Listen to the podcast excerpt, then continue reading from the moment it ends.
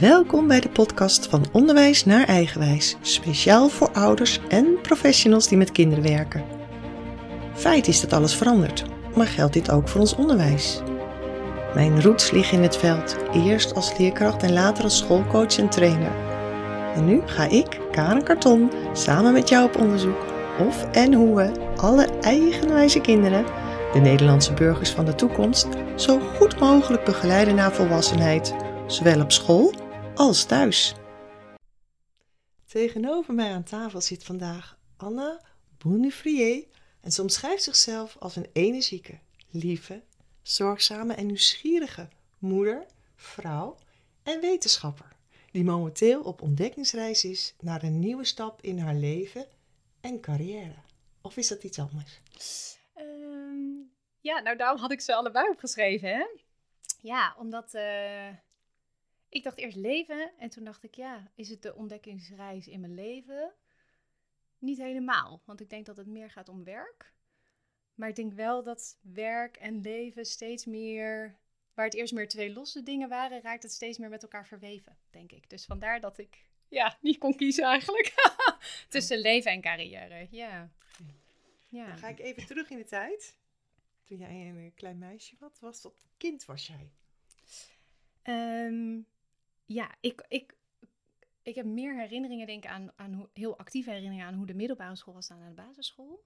Dat zijn meer specifieke herinneringen in de tijd, die ik wel heel. Maar ik denk dat ik een. Uh, uh, niet een heel erg uitgesproken aanwezig kind was op de basisschool. Um, ik wil heel graag goed opletten, dat kan ik me goed herinneren. Het goed doen en mijn best doen. Um, ik was wel vrolijk, denk ik. En lief en zorgzaam. Ehm, ik had niet zoveel vriendinnen, maar een paar. Een klein groepje. Um, waarvan een aantal eigenlijk nog steeds mijn vriendinnen zijn nu. Ja, dat is heel bijzonder. En um, ja, en waar ik later in mijn leven wat meer uitgesproken ben geworden en aanwezig, denk ik dat ik dat toen niet zo heel erg was. Ja, dat ik denk dat ik daar wat meer timide was. Ja. En als ik jou dan vraag, was jij een dromer, een denker, of een doener of een voeler? Um, ja, ik denk een denker. Toen ook al wel. Ja, ja. Ja, ik denk een denker. Dat is wel echt. Ik denk een denker. Dat is grappig, hè? Maar um, ja, dat is het eerste wat in me opkomt.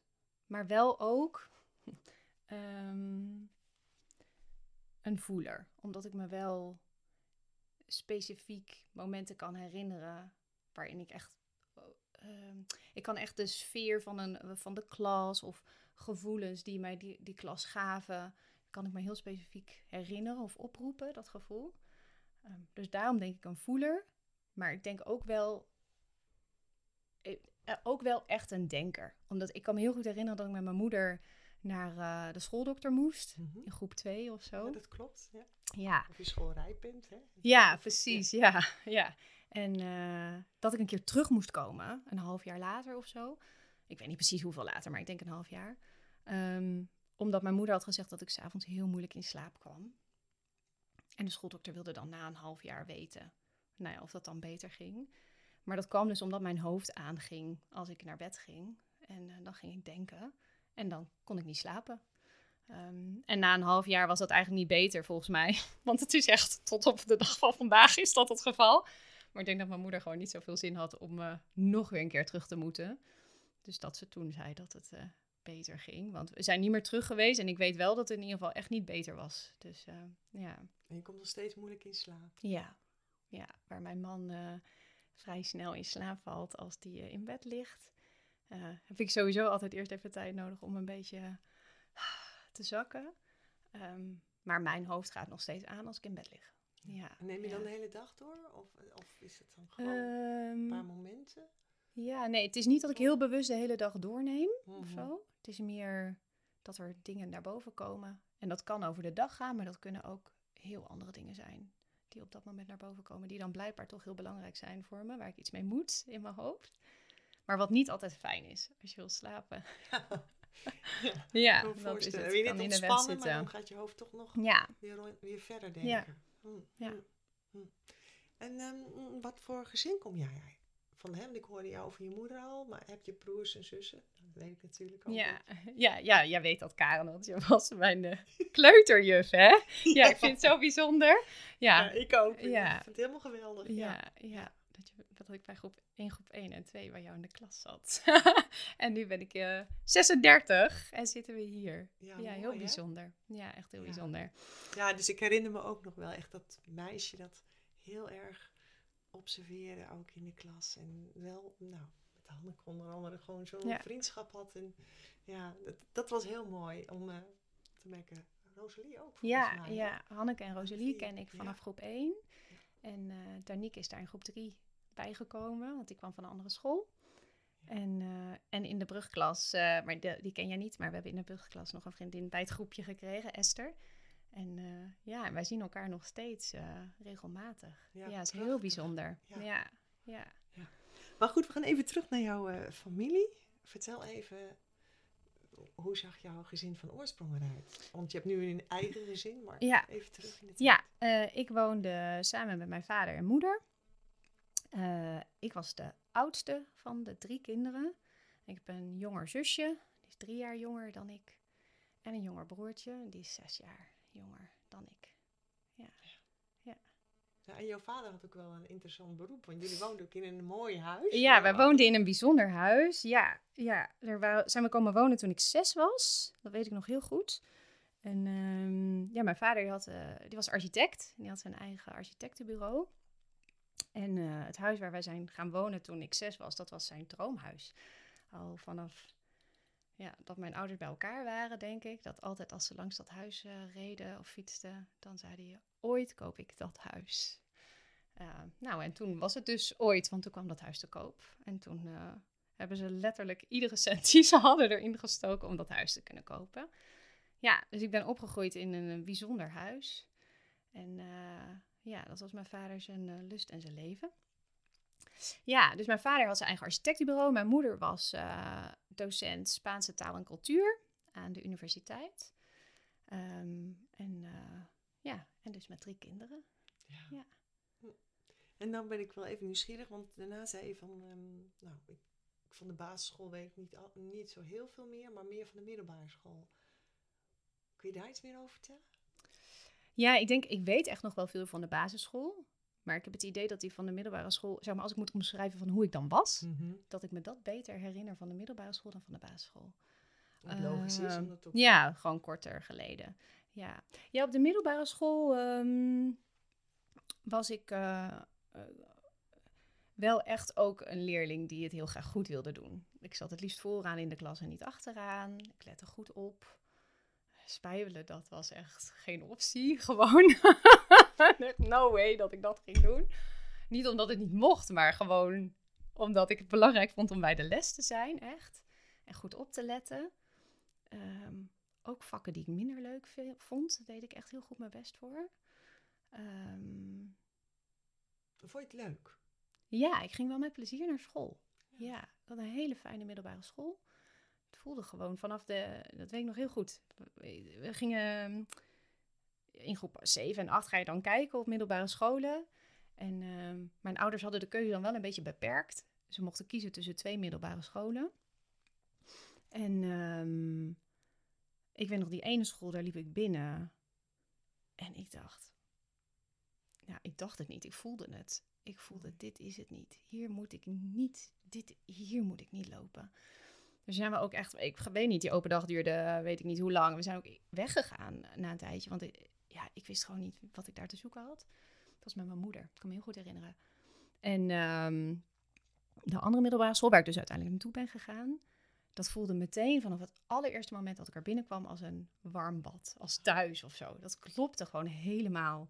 Mijn moeder zegt dat ook nog altijd. Ze zegt, ik zie het, ik zie het nog aan je hoofd, dat, dat je toen je binnenliep, het klopte. En um, ja, dat was een hele fijne school. Met fijne leraren. Weet je, er zit altijd wel een leraar tussen waar je het niet zo goed mee kan vinden natuurlijk. Maar fijne leraren, fijne leerlingen, hele fijne sfeer. En um, ja, ik denk ook daar, je mocht gewoon zijn wie je was. En er was naast school, waren er heel veel andere dingen. Ehm, op die school? Ja, dus ze hadden, ja, ze hadden één keer in de twee jaar een musical waar je aan mee kon doen. Uh, ze hadden een talentenjacht, één keer in de twee jaar. Dus dat wisselde elkaar dan af. Ehm, ze hadden voor de, ik denk de eerste en de tweede klas een soort van cultureel programma. Waar je dan, ze hadden dan cabaret of andere voorstellingen, films, één keer in de... Ik, het staat me bij één keer in de maand, maar nu dat ik dat zo zeg, denk ik dat is misschien best wel veel. Maar en daarna was er dan disco in het schoolcafé. Maar dat hadden ze. Er waren gewoon enthousiaste leraren die heel erg van theater hielden. Die dan een theatervoorstelling gingen doen met leerlingen. En er was heel veel meer dan alleen maar school. Weet je, er was werkweek in groep, in de, in groep 5 wilde ik zeggen. Werkweek in de vijfde klas. Maar ook in de andere klassen, als de, er waren gewoon enthousiaste leraren die zeiden: ja, maar we kunnen ook nog met 4 VWO een dag naar Liel. Zullen we een dag naar Liel gaan? En ze, weet je, dus dat was, ja. Dus er waren gewoon heel veel dingen naast school. Um, en waren je vriendinnen meegegaan? Naar dezelfde school? Of? Uh, ja. Ja, allemaal, ja, allemaal. Ze zaten allemaal op dezelfde school. Ja. En uh, met Rosalie zat ik ook in de brugklas. Um, en daarna, ja, omdat je op een gegeven moment andere profielen kiest. En dus ik heb, dan zat ik weer bij Hanneke. En dan, nou ja, dat wisselde dan een beetje. Maar uh, ja, die vriendinnen zijn ook meegegaan. Ja. En heb jij nog iets onthouden van, van de basisschool, van de middelbare school? En dat is echt cruciaal geweest voor mij. Om, ja, dat heeft me iets. Dat is me bijgebleven. Iets wat belangrijk is voor het onderwijs. Of, iets positiefs? Of iets. Nou, maar, ja. Nou ja. Um, positief denk ik wel heel veel dingen. Maar het grappige is, ja, dat vind ik grappig, dat je op het moment dat je er zelf in zit, beschouw je het allemaal als heel erg normaal en als dat is gewoon de standaard. En zeker voor de basisschool, je ouders hebben die voor je gekozen. Dus die school is gewoon wat het is. Ja. dat is zo, daar heb je het mee te doen eigenlijk.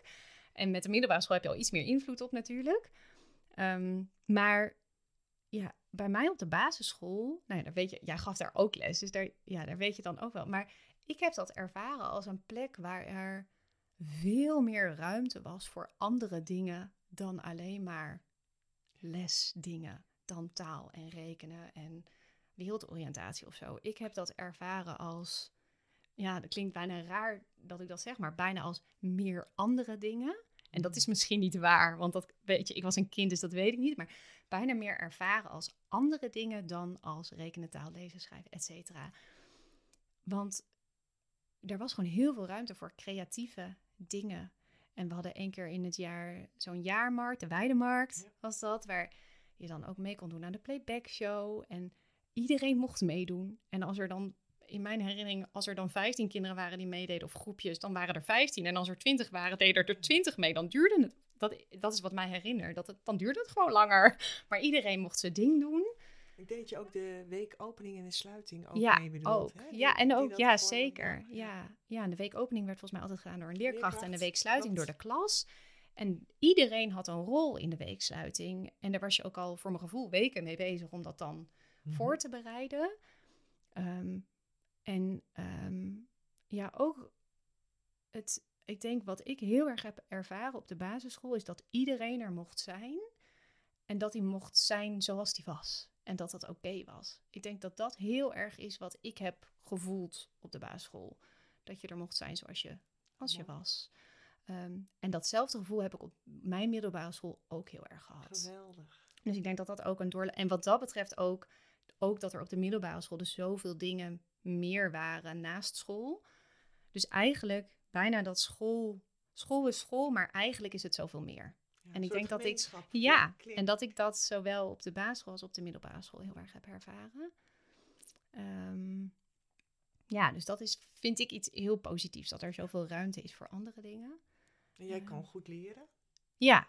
Dat is natuurlijk ook nog... Ja, ik kon goed leren. Ja. ja, en ik vond het ook leuk. Ja. ja. En wat ben je toen gaan doen? Ja, ik ben... Uh, ja, ik heb uh, gymnasium gedaan op de middelbare school. En toen wilde ik heel graag geneeskunde studeren.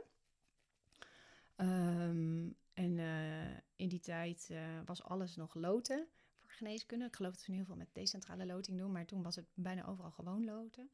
En ik zat net met mijn gemiddelde onder een 8. Als je een 8 of hoger had, werd je sowieso toegelaten. En ik zat er net onder, dus ik moest gewoon meeloten. Toen ben ik de eerste keer uitgeloot. En toen ben ik uh, gezondheidswetenschappen gaan studeren in Maastricht. Ehm, en uh, toen heb ik de tweede keer weer meegelood. Toen ben ik weer uitgelood. En toen dacht ik, ja, nu ga ik eerst gezondheidswetenschappen afmaken. In ieder geval mijn bachelor. En dan kijk ik wel weer verder. Want dan heb ik twee jaar van mijn opleiding gedaan. Om dan nog weer een derde keer, ja. Hm. Ehm, en eigenlijk na mijn bachelor, toen ik mijn bachelor had afgerond, toen dacht ik, ja, ik vind dit zo leuk. Ik wil hier ook gewoon een master in doen. Dus toen ben ik voor mijn master, heb ik een master bewegingswetenschappen gedaan in Amsterdam aan de VU. Um, en daarna ben ik gaan promoveren. Ehm, iets waarvan ik zei in mijn eerste weken op de universiteit, toen we daar rondliepen in Maastricht en ik al die promovendi in hun hokjes zag achter de computer werken, dat ik zei, nou één ding ga ik echt nooit doen. en dat is promoveren, want dat lijkt me super saai. Um, bleek dat na mijn masterstage uh, was ik zo enthousiast over onderzoek doen, dat ik dacht, ja, dat wil ik ook. Dus toen ben ik gaan kijken hoe ik kon gaan promoveren. Ja, dus ik een promotietraject um, Ik ben uh, gepromoveerd op het effect van spiegeltherapie bij kinderen met aangeboren hersenbeschadiging, met cerebrale parese. Um, dus uh, ja, heel in het kort, die therapie is uh, ontwikkeld door een, een, arts in Amerika, oorspronkelijk voor mensen met een, met een met fantoompijn, nadat een ledemaat is geamputeerd. En eigenlijk het idee daarvan was dat als je een spiegel loodrecht op je lichaam zet en je legt je arm, die er dus in hun geval dan niet meer was, legde je achter de spiegel en de arm die je nog wel had, legde je voor de spiegel en je keek in de spiegel, dan lijkt het alsof je weer twee armen hebt. En um, nou, wat bleek als ze dan oefeningen gingen doen, verdween bij die mensen, in het merendeel van de mensen, de fantoompijn. Dus die hadden geen pijn of jeuk of iets meer in het ledemaat dat er niet meer was. Want dat is wat fantoompijn is, dat je de pijn hebt in iets wat er niet meer is. Wat heel vervelend is, want het is er niet meer, dus je kan er niks mee. Maar dat werkte en dat is toen, die therapie is toen, ehm, eh, nou ja, ook onderzocht bij mensen die uh, een verlamming hadden aan één kant van hun lichaam nadat ze een, uh, een hersenbloeding hadden gehad. of een herseninfarct. En um, wij zijn dat toen, tenminste één iemand voor mij is daarmee gestart met zijn promotietraject. En ik heb dat toen verder getrokken.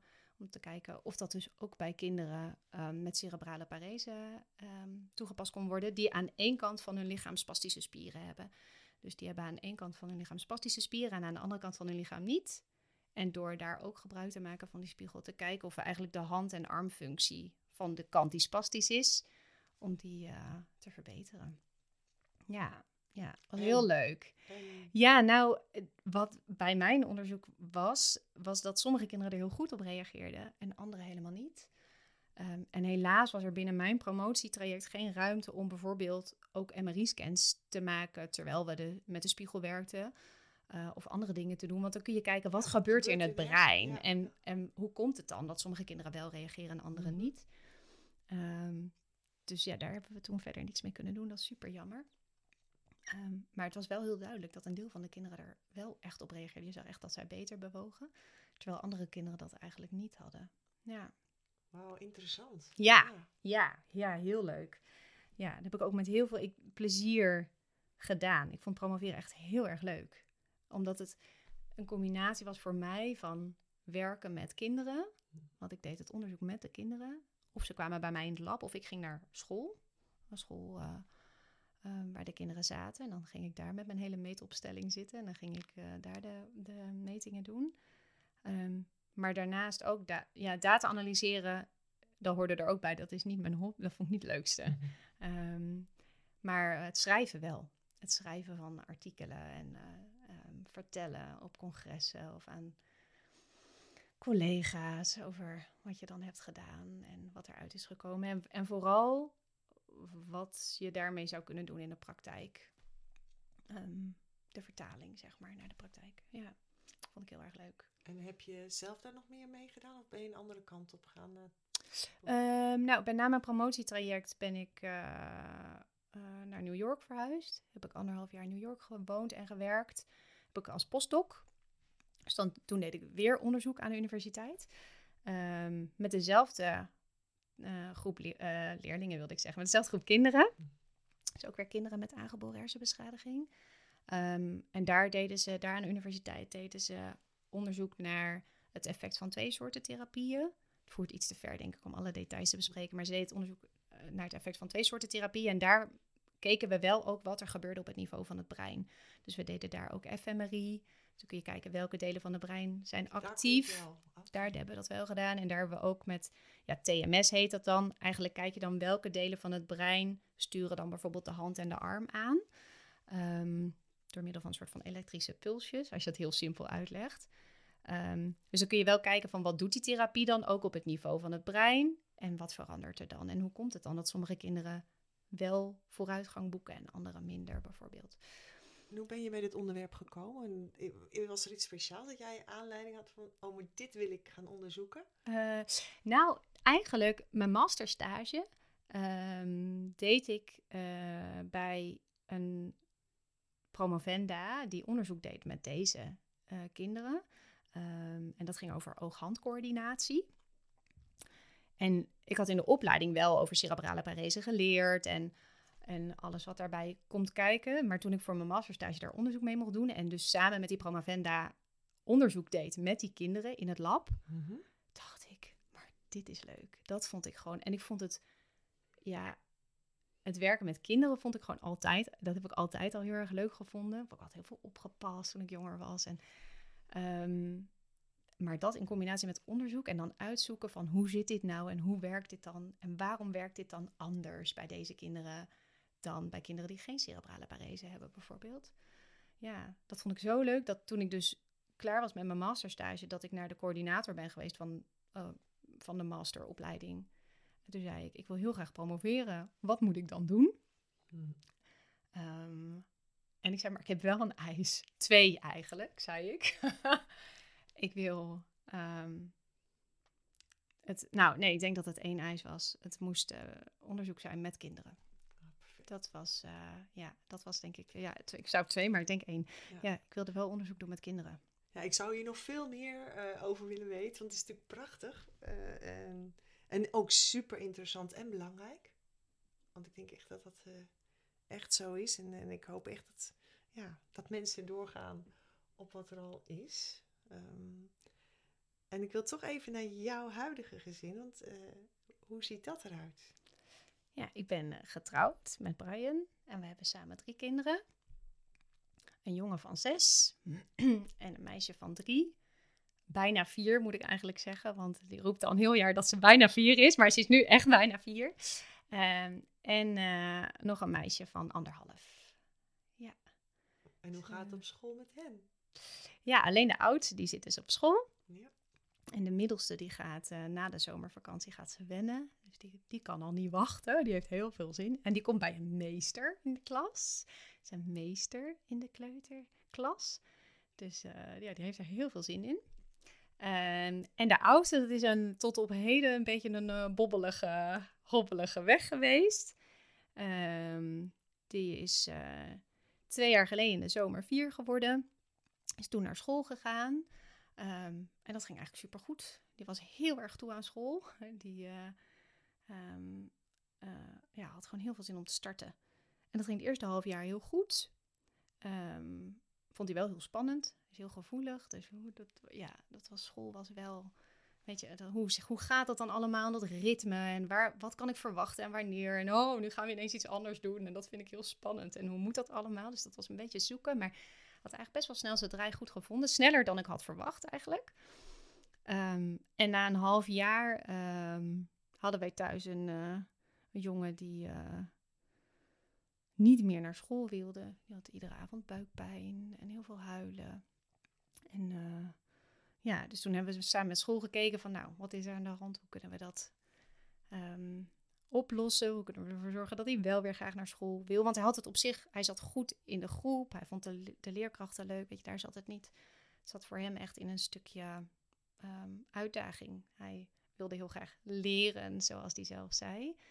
Um, en hij kende alle letters al voordat hij naar school ging. En uh, hij heeft zich in de herfstvakantie, uh, dus hij zat toen een paar maanden op school, heeft hij zich in de herfstvakantie zichzelf leren lezen. Um, dus ja, hij wilde dat op school ook. En ja, dat werd niet aangeboden in groep 1 natuurlijk. Dus we zijn met school gaan kijken. Niet natuurlijk, maar ja. Ja, ook Ja, nou ja, ja. in principe leer je niet lezen in groep Nee. 1. Hè? Dat is niet de standaard. Zo bedoel ik dat. Ja. En ehm, dus op die manier bedoel ik natuurlijk. het is niet wat ze natuurlijk aanbieden. En ehm, eh, ja, en dus toen zijn we met school gaan kijken van, nou, wat kunnen we hem dan aanbieden, waardoor die toch wat meer uitgedaagd wordt op cognitief vlak in dit geval. Ehm, en toen kregen wij eh, best wel snel daarna, nadat we dat gesprek hadden gehad, horen dat de school zou gaan sluiten. Hoe en waarom voert een beetje ver, maar goed, de school zou, zou dichtgaan. En ehm, ja, en toen, nou ja, dan is er natuurlijk heel veel onrust in zo'n school. Eh, een aantal leerkrachten kwam thuis te zitten, veel invallers. Dus dat kwam eigenlijk niet van de grond. Dus dat, heeft, eh, dat hebben we toen een beetje losgelaten. En toen is hij afgelopen jaar na de zomervakantie naar een nieuwe school gegaan. Was nog wel een hele zoektocht. ehm, omdat eh, hij dus best wel voorliep eh, qua eh, cognitieve ontwikkeling. En ook, en ook motorisch en, en sociaal, want hoe zat het Nou, daarmee? Want- motorisch eigenlijk gewoon normaal. Ehm, eh, hij was absoluut niet snel, ook met leren fietsen en zo. En dat was, nee, hij was zeker niet de eerste die dat deed. Ehm, en sociaal, ik denk Stan lijkt daarin heel erg mij in bepaald opzicht, denk ik. Hij verzamelt ook twee kinderen om zich heen. En daar doet hij het mee, zeg maar. Hij is niet vrienden met de hele klas. Hij is heel, dat is nu ook, hij ligt goed in de groep en leerlingen vinden hem aardig. Maar hij heeft maar één of twee leerlingen waarmee hij heel goed kan. En dat herken ik heel erg van mezelf. Ehm, maar het is een heel sociaal kind. Eh, en, en ook heel zorgzaam. En ja, dat gaat eigenlijk altijd hartstikke goed. Ehm, en emotioneel gezien, Stan is heel gevoelig. En eh, dat maakt dat hij dingen heel snel spannend vindt. En hij uit spanning snel door te huilen. Ehm, waar andere kinderen dus misschien niet huilen. Dus ik kan me herinneren van de kinderopvang was dat ook. Dat ze vaak zeiden, ja, hij huilt heel snel. Maar ik denk niet, ja, ten opzichte van andere kinderen huilt hij misschien snel. Maar hij heeft gewoon een heel intense gevoelswereld. Dus alles komt bij hem veel intenser binnen. En dat uit hij. Dat herken ik ook heel erg. Mm. Dat uit, ja, ik huil ook makkelijk. Mm. Ja, maar ja. Dus ehm, Dus wel heel breed heb je, hebben jullie gekeken ook. ja, ja, want hij is dus naar een andere school gegaan. En toen is uiteindelijk na lang wikken en wegen de keuze gemaakt om hem eh, in groep 3 te laten starten. Dus hij is van groep 1 naar groep 3 gegaan. Ehm, en eh, ja, dat is de beste beslissing geweest voor, eh, voor hem en voor ons.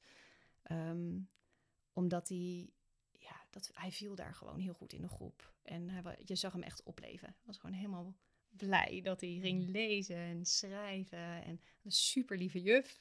Dat is natuurlijk ook gewoon heel fijn. En, nu kon hij leren voor zijn ja, gevoel. voor zijn gevoel. Ja, dat is wat Mm. hij, ja, hij kon leren. Ja. En dat ja. motiveerde hem ook weer. Ja, ja, en hij werd, hij, hij wil gewoon, hij wil altijd alles weten. Waarom is, dat is al van jongs af aan. Echt, ik kan me niet anders, ik weet nog heel goed dat mensen zeiden, dat vind ik zo heerlijk, zeiden iemand die ik ken. Zitten we in de auto en dan kijken de kinderen lekker naar buiten en is het gewoon helemaal stil. En dan dacht ik altijd, hoe dan? Want mijn kind was ruim anderhalf en het kwetterde dan maar door op die achterbank. Waarom is dat? Ik zie dat. Zie jij dat ook, mama? En, waarom is dat? Hoe zit dat? Er altijd alles willen weten. En eh, ja, en dat is nog steeds. Dat is, en eh, dat is op school. eh, laat hij dat iets minder zien dan thuis. Op school is die iets meer, iets meer timide, zeg maar. Maar thuis is het, ja, ik zeg altijd een spons. Hij wil alles weten en hij zuigt alles op. Ja, ja dus die eh gaan na de zomervakantie al naar groep 4. Ja, Wauw. heel benieuwd hoe dat eh, gaat worden. Ja. En, en hoe was het proces thuis? Want dan heb je een kind dat niet naar school is, wil. Hoe, hoe uitte zich dat bij hem? Ja, Stan werd dus eh, s s'avonds vooral heel verdrietig. Heel veel klagen over buikpijn. Of zoals hij altijd zei, ik heb buikpijn, hoofdpijn, keelpijn. Ja, ik denk dat dat zijn... Misschien had hij ook echt buikpijn, dat, dat geloof ik echt. Ik denk wel dat het zijn manier was om te zeggen... ik zit niet lekker in mijn vel. En ik weet niet hoe ik dat moet zeggen. Dus ik klassificeer dat als buikpijn, keelpijn, hoofdpijn. Want het, dat is, dat is erger dan alleen... Ja, gewoon overal voelt het niet goed. Ja. Maar ik kan mijn vinger er niet op, of hè, Nee. ik kan mijn vinger er niet op leggen wat het is. Of ik kan het nog niet onder woorden brengen. Ja. Want hij was natuurlijk nog super klein. Hij was vier. En wat deed het met jou? Ja, dat vond ik afschuwelijk. Ik weet nog dat ik op school zat, omdat ik had gebeld voor een afspraak. En dat ik daar ook van moest huilen op school. Omdat ik dacht, oh, dan, je wil, het enige wat je wil is dat het gewoon goed gaat met je kind. En zeker op school, ze gaan zoveel uur per week naar school. En denk je, school is leuk. En dan wilde je na een half jaar niet meer naar school. En dat was niet omdat de juffen niet lief waren, weet je. Dus, en dan, en wat, dus dat, ja, dat deed heel veel met mij. En wat lastig is, is dat hij thuis een totaal ander kind was dan op school. En je hoort altijd wel dat alle kinderen wel een beetje anders zijn op school dan thuis. Maar dit was echt een verschil van dag en nacht.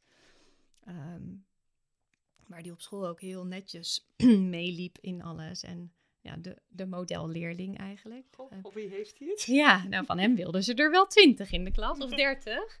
En thuis eh, was, eh, ontplofte de bom zodra hij thuis kwam. Ach. Dus dat was heel heftig. Ja, dat is heel intens. Ja. kon hij slapen?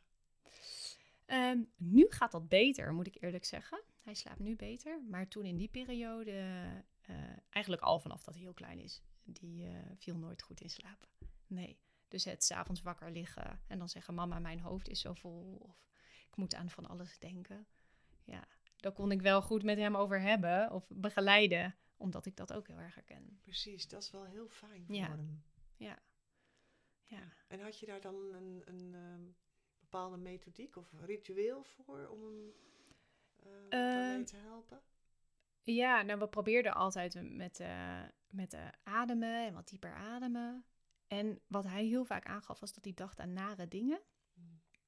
Dan riep hij weer, mama, mama, ik denk aan nare dingen.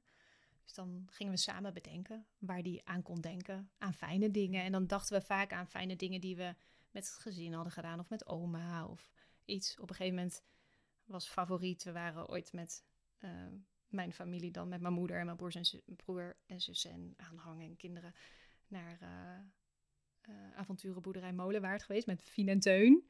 En dus dan zei ik altijd, nou denk maar aan Fien en, Fien en Teun en aan hoe we dit deden en dat. En dan zag je dat helemaal voor zich. Hij zei, ja, ik zie het mama. Zei hij, ja, nu is het goed. Nu kan ik slapen. Oh. En dan viel hij in slaap. Dus dat was op een gegeven moment was dat favoriet. Die werkte eigenlijk heel erg goed. Ehm, het gekke is dat hij eigenlijk ook wel wist dat hij dan daar aan kon denken. Maar dat het gewoon fijn was als ik er dan nog even bij kwam zitten. En hem dan vertelde dat hij daar aan kon denken. En dan Toch een momentje van aandacht ook even. Ja. Samen ja, ja, en ik vertelde dan ook even, eh, zodat hij er een plaatje van kon maken in zijn Ja. hoofd. Mooi. En dan kon hij in slaap vallen, ja. En nu gaat dat eigenlijk best wel goed. Wauw. En had jij als, eh, eventjes weer naar jou terug, Mhm. had jij als eh, kind al eh, het idee dat jij ehm, eh, een carrière zou maken en dus, nou promoveren dan niet, maar dat jij wel heel veel zou willen leren? Ehm, nou, ik weet wel, ik weet dat ik, ik wilde twee dingen worden. Of juf, of zuster. Zuster ook, ja. Of juf of zuster, dus verpleegster. Ehm, dus dat hele zorgzame en voor anderen, dat zat altijd wel in. En ehm, ik weet ook dat ik als kind, en ik heb er later nog naar gezocht, maar ik, ik heb het niet thuis. Dus ik denk dat het, misschien is het nog ergens bij mijn moeder op zolder, maar dat weet ik niet zeker. Ehm, ik had als eh, kind een map op eh, mijn kamer. En daar maakte ik zelf lesmateriaal voor mijn niet bestaande klas natuurlijk. Maar ehm, dus ik weet wel dat ik dan uit tijdschriften, oude tijdschriften van mijn oma, want die las de Margriet. en dan kregen wij de Margriet als ze hem uit had. En dan ging ik daar dingen uitknippen. En dat ging ik dan gebruiken. Dat plakte ik dan op. En dan maakte ik invulzinnetjes daarbij of zo. Dat de leerling dat dan in moest vullen. Of eh, nou ja, van alles. Ik had allerlei soorten opdrachten. Of dan knipte ik allerlei vlaggen uit. En dan moesten ze erbij schrijven van welk land het was of zo. Dus ik had een hele map met lesmateriaal, zelfgemaakt lesmateriaal voor mijn klas. Maar daar kon ik uren mee zoet zijn. Ja, dat weet ik heel goed. Ehm, dus dat wilde ik worden. En, en ik heb nooit, ook zelfs niet op de middelbare school, ik dacht altijd dat ik arts zou worden. Ik wilde Ja, heel graag geneeskunde studeren. Ja. Ehm, maar ja, dus ik zag mezelf niet per se als wetenschapper of zo. Eh, nee, dat veranderde dan eigenlijk door mijn stage toen. En, ehm, en achteraf gezien ben ik ook wel blij dat ik geen arts ben geworden. Omdat ik denk dat ik alles wat al mijn patiënten dan mee zouden maken, me veel, veel te diep bij mij Zou raken. zou raken. Mm. Dat ik dat heel moeilijk los zou kunnen laten. Ik denk, er is een reden geweest dat ik twee keer ben uitgeloot. En toen, weet je, dat, ja, het is gewoon, het is ook goed. Ja, dus- ja, ik heb nooit meer gedacht, oh, had ik maar geneeskunde gestudeerd. Nee. Nee, en heel veel dingen die in de opleiding gezondheidswetenschappen, want in Maastricht heet het dan gezondheidswetenschappen, maar je koos twee richtingen. En een van de richtingen die ik deed was bewegingswetenschappen en de andere bioregulatie en gezondheid. Dat gaat allemaal heel erg, het ging allemaal over het lichaam. Hoe werkt het? Het immuunsysteem, je spieren, je botten, hoe werkt alles samen? Ehm, ziek, gezond, weet je, alles zit daarin. Dus er zit heel veel overlap met geneeskunde. Het is absoluut niet hetzelfde hoor, maar er zit heel veel overlap. Dus datgene wat ik interessant vond aan het menselijk lichaam en hoe werkt dat allemaal en dat zit er allemaal in. Dus dat voldeed heel erg aan mijn behoefte om daar iets over te leren. En dan Ja. ben je op reis naar de toekomst, wat jij wil gaan doen. Ja. Kun je daar eens over vertellen? Of Ja. waar je vandaan komt, wat is gemaakt Ja. in actie? Ehm, nou, ik heb nadat ik terugkwam uit Amerika, wilde ik in eerste instantie heel graag op de universiteit blijven werken. Ehm, maar alle plekken die daar toen vrij waren eh, of kwamen, waren allemaal voor mensen die dan nog niet gepromoveerd waren. Dus dat waren dan tweejarige onderzoeksplekken die ze dan om wilden buigen later naar toch een promotietraject. En, ehm, dus toen ben ik verder gaan kijken en toen ben ik terechtgekomen bij eh, Nutritia. En daar deed ik onderzoek naar eh, ehm, medische voeding, ook weer voor kinderen met aangeboren hersenbeschadiging. En dan vooral binnen de innovatiekant, zeg maar. Dus hele nieuwe soorten voeding of ja, nieuwe manieren om, eh, om daar naar te kijken. Ehm, en dat vond ik super leuk. vooral in het begin, want je kon onderzoek doen en er was geld.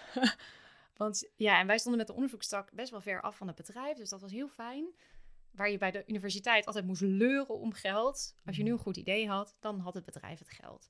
Dat vond ik heel fijn. Maar in de loop van de tijd ja, merkte ik toch dat dat, dat dat niet meer helemaal in lijn was met hoe ik graag onderzoek wilde doen. Ehm, dus toen ben ik verder gaan kijken. Toen ben ik ehm, in een, op een andere plek bij non-profit onderzoek gaan doen. En ehm, met het idee dat ik daar weer wat dichter bij de praktijk stond. En dat was een superleuke plek met hele lieve collega's en hartstikke mooi onderzoek. Maar daar merkte ik dat ehm, het niet dat het niet meer helemaal het onderzoek doen, moet ik Mhm. zeggen, gewoon onderzoek doen, niet meer helemaal aansluit bij mij en bij wie ik ben en wat ik belangrijk vind. Dus die baan is gestopt. Ehm, en toen dacht ik, ja, dan is nu het moment om te kijken wat dan wel. Want met en werken en drie kleine kinderen thuis kwam ik daar niet aan toe. Ehm, en ik dacht, als dit, als dit nu zo loopt, dan is dit het moment. Ja, dus ik ben nu op ontdekkingsreis. zo voelt het ook echt. Ja. Ja, ja, dus ik heb de afgelopen periode eh, georiënteerd op een overstap naar het basisonderwijs. Dus op heel veel scholen meegelopen, met ontzettend veel mensen gepraat, podcast geluisterd, eh, nog meer meelopen en nog meer meelopen. Ehm, om te kijken of ik, eh, of ik die kant op wil. En, eh, en ik ben gestart met een opleiding tot talentbegeleider. Ehm, en daar hebben we het er eerder vandaag al heel even over gehad, hè, buiten de podcast om. Ehm, maar die opleiding is in principe, eh, word je opgeleid om kinderen en volwassenen, maar ja, vooral kinderen, ehm, hoogbegaafde kinderen die eh, vastlopen, om wat voor reden dan ook, om die eh, te begeleiden en zichzelf weer een beetje te vinden en weer beter in hun vel eh, te komen. Ja, Ja. dus daar ben ik ook mee eh, gestart. En dat vind ik super leuk. dus... Maar mijn, mijn kanttekening was van waarom hoogbegaafd? Ja, nee, want had zijn kinderen van de andere kant op de gewoon. Hè, wat is de normaal, het normale kind? Maar elk kind heeft die uitdaging nodig, in mijn optiek, Ja. om kon, ja, de context te zien. Om, om uitdagingen en motivatie te hebben om te leren. Ja. En dat krijgen vaak deze kinderen Ja. wel, omdat ze gedrag laten zien van wow, ik kan dat. Maar dus, Ja, die anderen willen ook. Ja. Die zijn vaak heel erg jaloers op het feit. Maar het mooie is dat die kleine groepjes hebben. Hè? Want de rest blijft altijd achter in een hele grote klas. Die verder moet. Ja, ja en dat is waar, waar wij het natuurlijk eerder vandaag even over hadden. Hè? De- überhaupt de term hoogbegaafd. Nou, dan kunnen we denk ik een hele losse aflevering van, je, van jouw podcast aan wijden. Laten we daar dan nu maar even niet over discussiëren. Maar inderdaad, wat ik merk dat het type onderwijs op in hoogbegaafde klassen of, of hoogbegaafde scholen zelfs, het type onderwijs wat ze daar ehm, eh, opzetten voor deze leerlingen, eigenlijk iets is wat voor iedere leerling, in mijn optiek, voor iedere leerling een hele fijne manier zou zijn van leren.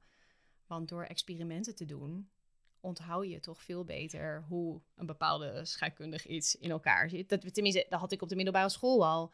Als je met scheikunde een experiment ging doen, viel heel vaak ineens dat kwartje. Oh, is dit waarom dat? En dat is natuurlijk op de basisschool net zo goed. Dat is een heel andere materie dan moeilijke scheikundige formules. Ja, Maar het bouwen- idee is hetzelfde, Heb je, precies. ook, hè, heb Ja. je ook een hele goede fundering nodig. Ja. En als je dat niet leert, dan... eh, Ja, precies. Ja. ja. Mooi. Ja, dus je bent echt op onderzoek. eh, Ja. Waar, waar- ja, ik ben heel Welke benieuwd waar je dat- op? Ja, Ja. want je kan zoveel.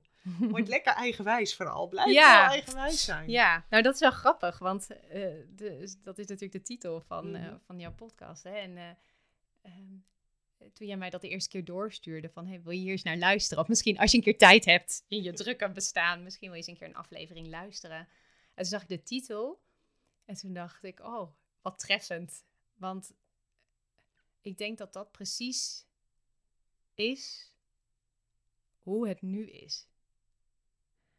En daar bedoel ik mee dat je dat voor mij dat ik eerst in het onderwijs zat en later eigenwijs werd.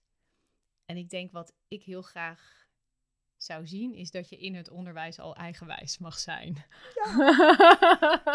Als ik dat zo eh, mag zeggen.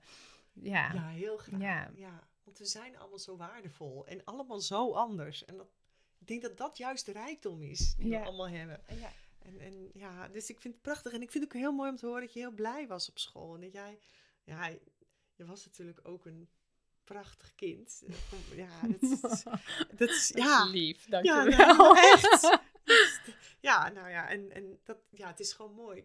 Ja, dat we nog steeds ook contact hebben. En eh, ja, dat, is, dat vind ik dus rijkdom. En, en dan nog even voor het luisteraars. Hoe leuk was het dat ik vroeger dus ook bij mensen, bij eh, ja, de kleuters kwam eten. En soms in bed en bad heb gedaan. Ja. Weet je, dat was nog in die tijd. Dat we gewoon ja, een gemeenschap waren. Hè? Dat, dat is, ja. En ja, dat, daar is geen tijd meer voor. Daar heeft niemand bijna tijd Nee. meer voor in deze tijd. Alhoewel, het is maar waar we tijd voor maken. en Wat we essentieel vinden natuurlijk. Ja. Maar ehm, ehm, is er nog iets veranderd in, eh, in, in jouw visie van ben je nog steeds de denker? Of ben je ondertussen een dromer, voeler of een, ja, een doener geworden? Ik denk dat ik dat het de denker wel het meest actief in mij is. Ehm, maar ik geef wel steeds meer ruimte, heel bewust, aan de voeler. Ehm, omdat ik heb gemerkt dat datgene wat ik voel eigenlijk altijd het juiste is. Ondanks dat mijn hoofd soms iets anders zegt. Ehm, ja, nee, ja, dat merk ik wel echt. Dat het hele voelen veel, veel grotere plek in mijn leven eh, aan het innemen is. Of al heeft gedaan eigenlijk. Maar het mag nog meer van mij. Dat mag echt wel nog meer. Laat lekker samenwerken, het denken en het voelen. Hè? Ja, ja, maar waarbij ik eerst denk ik meer dacht en dan voelde, zeg maar. Dus dat ik dacht, oké, dit is hoe, hoe ik het ga doen of dit is wat ik ergens iets van vind. En wat, wat voel ik daar dan bij? Is het denk ik nu meer andersom. Dat ik denk, oké, wat voel ik daarbij? En, wat, en misschien soms wat vind ik daarvan? En, en doe ik daar dan iets mee wat ik daarvan vind of eigenlijk niet? Dan gaat het gewoon om het voelen. Ehm, en een doener ben ik wel ook heel erg. Maar, maar vooral niet zozeer fysiek, fysiek dat ik enorm... Ja, ik hou heel erg van sporten, maar ja. Maar meer... Ik, zoals anderen altijd zeggen, je weet wel van aanpakken, zeg maar. Ik, ik kan ook niet stilzitten. Ik moet iets doen Zoals nu zitten we al de, de, de hele tijd te praten en zo. Ik kan prima op mijn stoel blijven zitten, maar dan denk ik altijd, oh, nou even lekker straks even een stukje lopen of zo, weet je wel. Ik moet altijd wel. En ook, beweging. ja, en ook als ik ergens zo op visite ben of zo, ik weet niet, ik, ik kan niet dingen dan laten staan. Ik moet altijd, ja, ik ben wel altijd bezig. Waar ik soms wel jaloers ben op mijn man, want die kan in de midden van alle hectiek soms gewoon gaan zitten met een puzzelboekje. Dat is dan nu na de vakantie, heeft hij het puzzelboekje weer herontdekt dan, dan met een puzzelboekje. Maar die kan dan gewoon even gaan zitten en even dan zegt hij, oh lekker, even helemaal niks. Ja, dat heb ik helemaal niet. Ik moet wel iets doen, altijd. Ja, en dat probeer ik wel, als je dat dan met dat voelen, dat probeer ik wel ook meer in mijn leven, in de drukte van het gezin, maar ook in mijn leven meer in te brengen dat ik wat meer tijd neem om af en toe ook gewoon even te zitten of te liggen, maar gewoon even te zijn en niet alleen maar te doen de hele tijd. Ja, ja.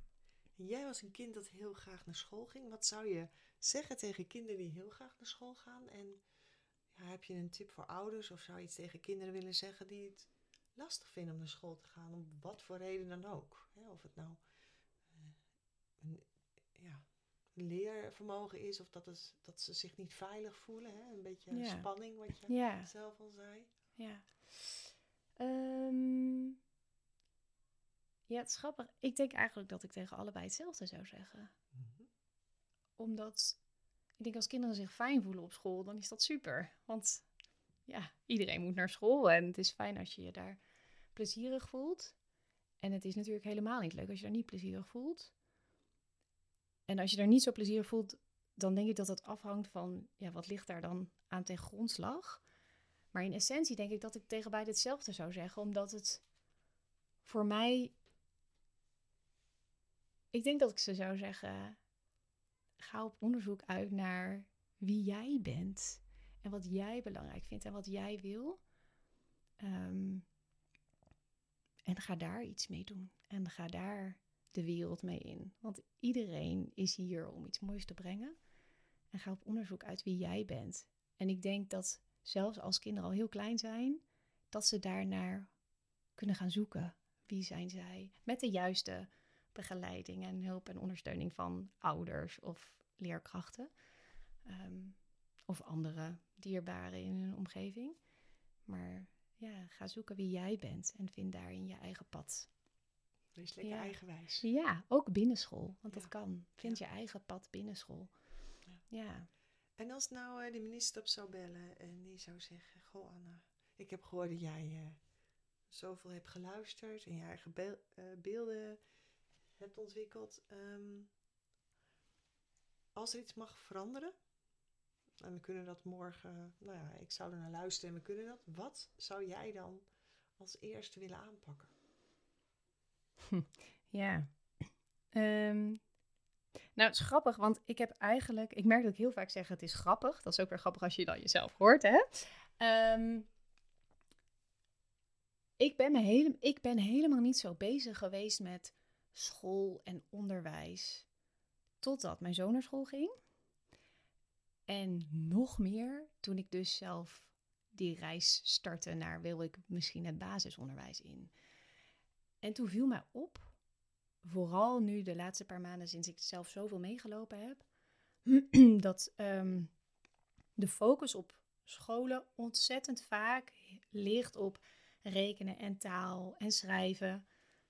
Wat aan de ene kant heel logisch is, want dat zijn de, de basisdingen. Maar dat neemt zoveel ruimte in beslag dat er op het merendeel van de scholen eigenlijk heel weinig tijd is voor andere dingen.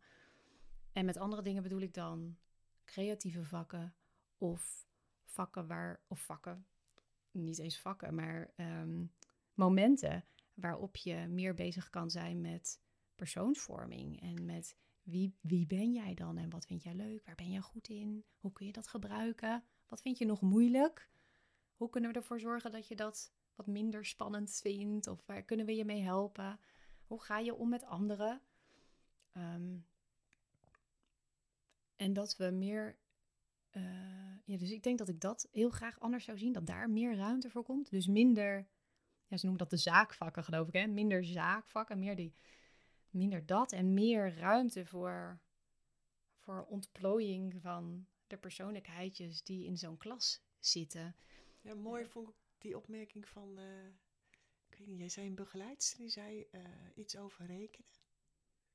Moet een kind wel? Ja, ja, dat klopt. Ja, ik had een, eh, gesprek met eh, iemand over, dat ging over mijn zoon. Zij was, ehm, oh, een beetje schorre stem. Zij was, eh, inderdaad, zij, heeft, zij werkte al jarenlang met hoogbegaafde kinderen. En we raakten aan de praat. En toen, ik weet niet meer precies waar het over ging, maar ik zei, ja, maar hij moet wel ook gewoon leren rekenen, toch? En dat ging over mijn zoon. En toen zei zij, is dat zo? En toen zei ik, ja, toch? En toen keek ik haar aan.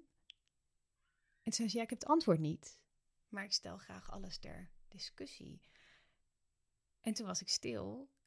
En dat heb ik met me meegenomen, wat ze zei. Omdat ik ook het antwoord niet heb. Maar het zette me wel heel erg aan het denken.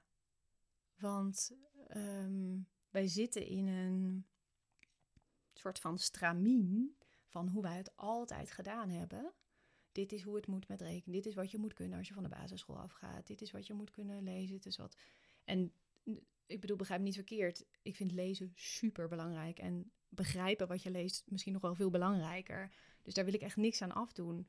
Maar ik denk dat we onszelf wel moeten afvragen bij alle dingen die op school aangeleerd worden. Is dit iets wat echt noodzakelijk is voor de rest van je leven? Wat, je, wat echt bijdraagt aan de rest van jouw leven?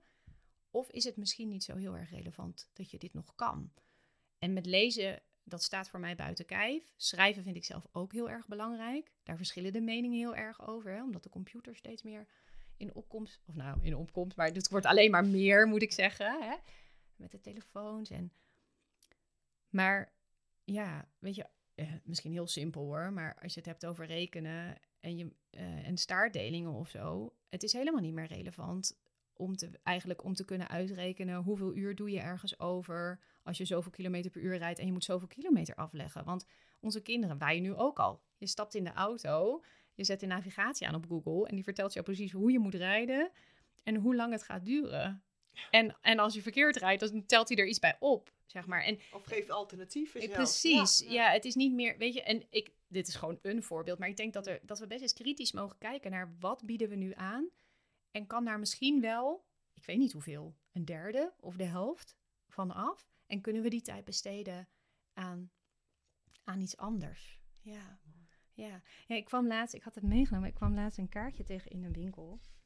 En ik had dus vanochtend nog even opgezocht van, uh, van wie die quote was. Want dan koop je zo'n kaartje en dan, daar staat dan een, een quote op. En die vond ik heel mooi. Maar er staat dan niet bij van wie die is. En dat vind ik dan irritant. Um, maar er stond op No one is you and that is your power. En uh, die is, dus ja, dan moet ik dus even kijken, want dat had ik opgeschreven.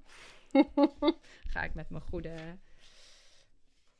Ja, mooi. Maar het is een mooie voorbereiding ja. en dat hoort helemaal bij. Ja, ja, maar nou heb ik...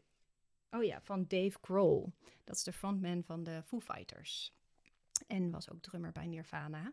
Niet iets waar ik naar luister, maar uh, de, de band zeg maar wel.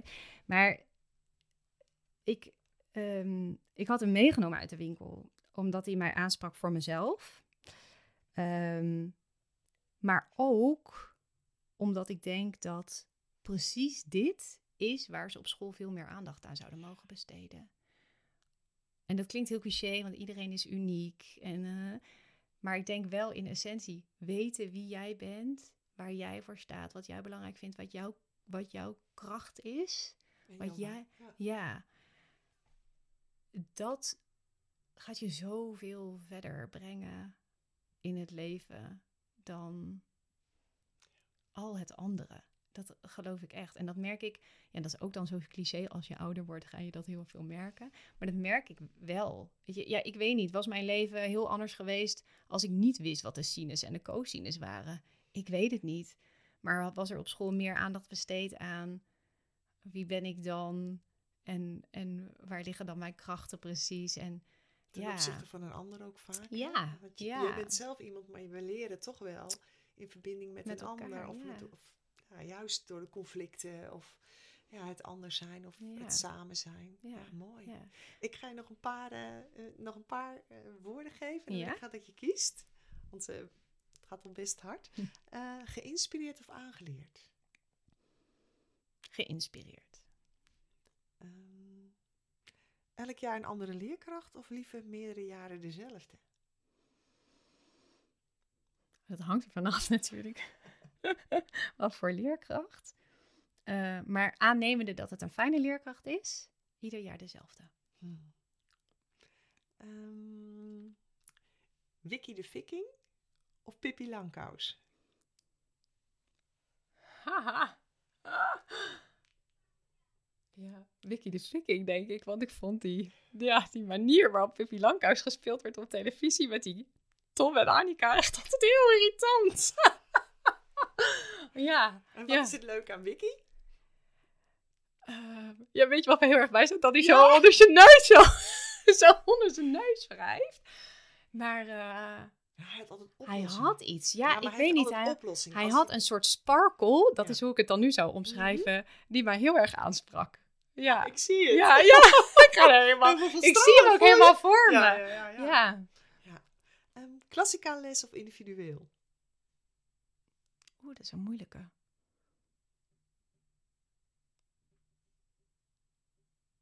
En dan ga ik het overdenken. Mijn eerste gevoel zei individueel. Ja.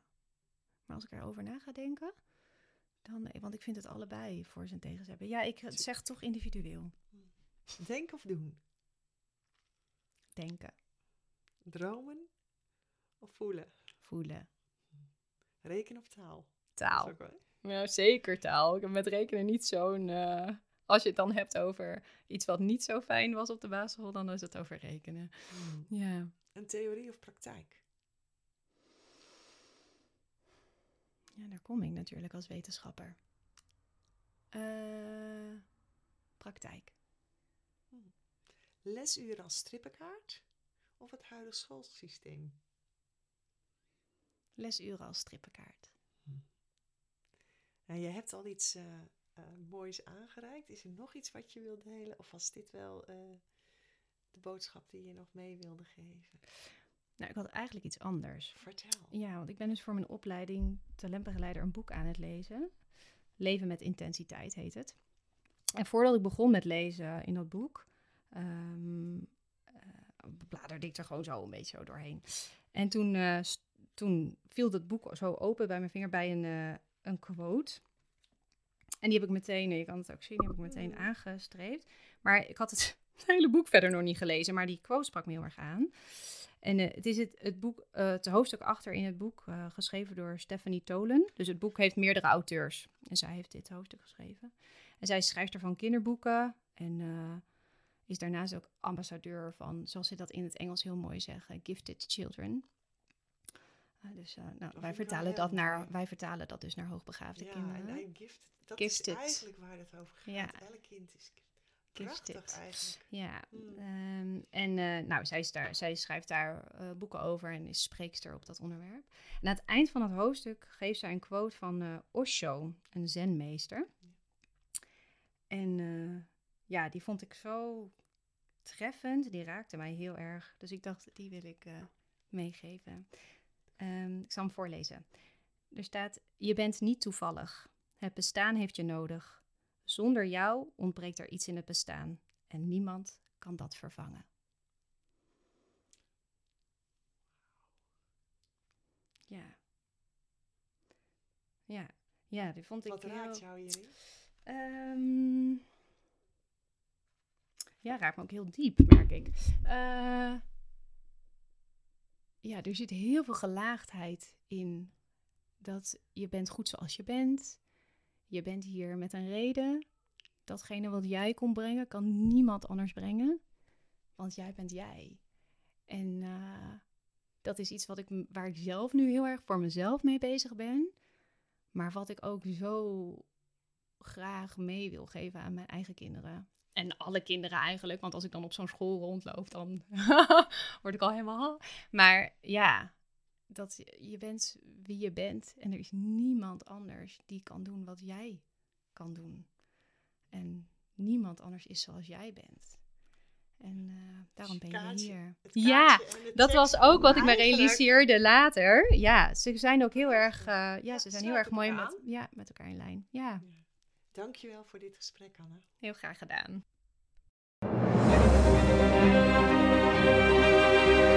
Dankjewel voor het luisteren. Als je nog een vraag hebt of wil reageren, stuur me dan een berichtje via karen.krachtstroom.nl Karen schrijf je met een E en krachtstroom schrijf je met de letters K, R en dan het cijfer 8. Het staat voor de verbinding van hoofd, hart en buik. En dan stroom, zoals je het zegt. Zou het echt tof vinden als je me een like zou willen geven. Wens je een stromende dag vanuit jouw oneindige kracht. Veel geluk!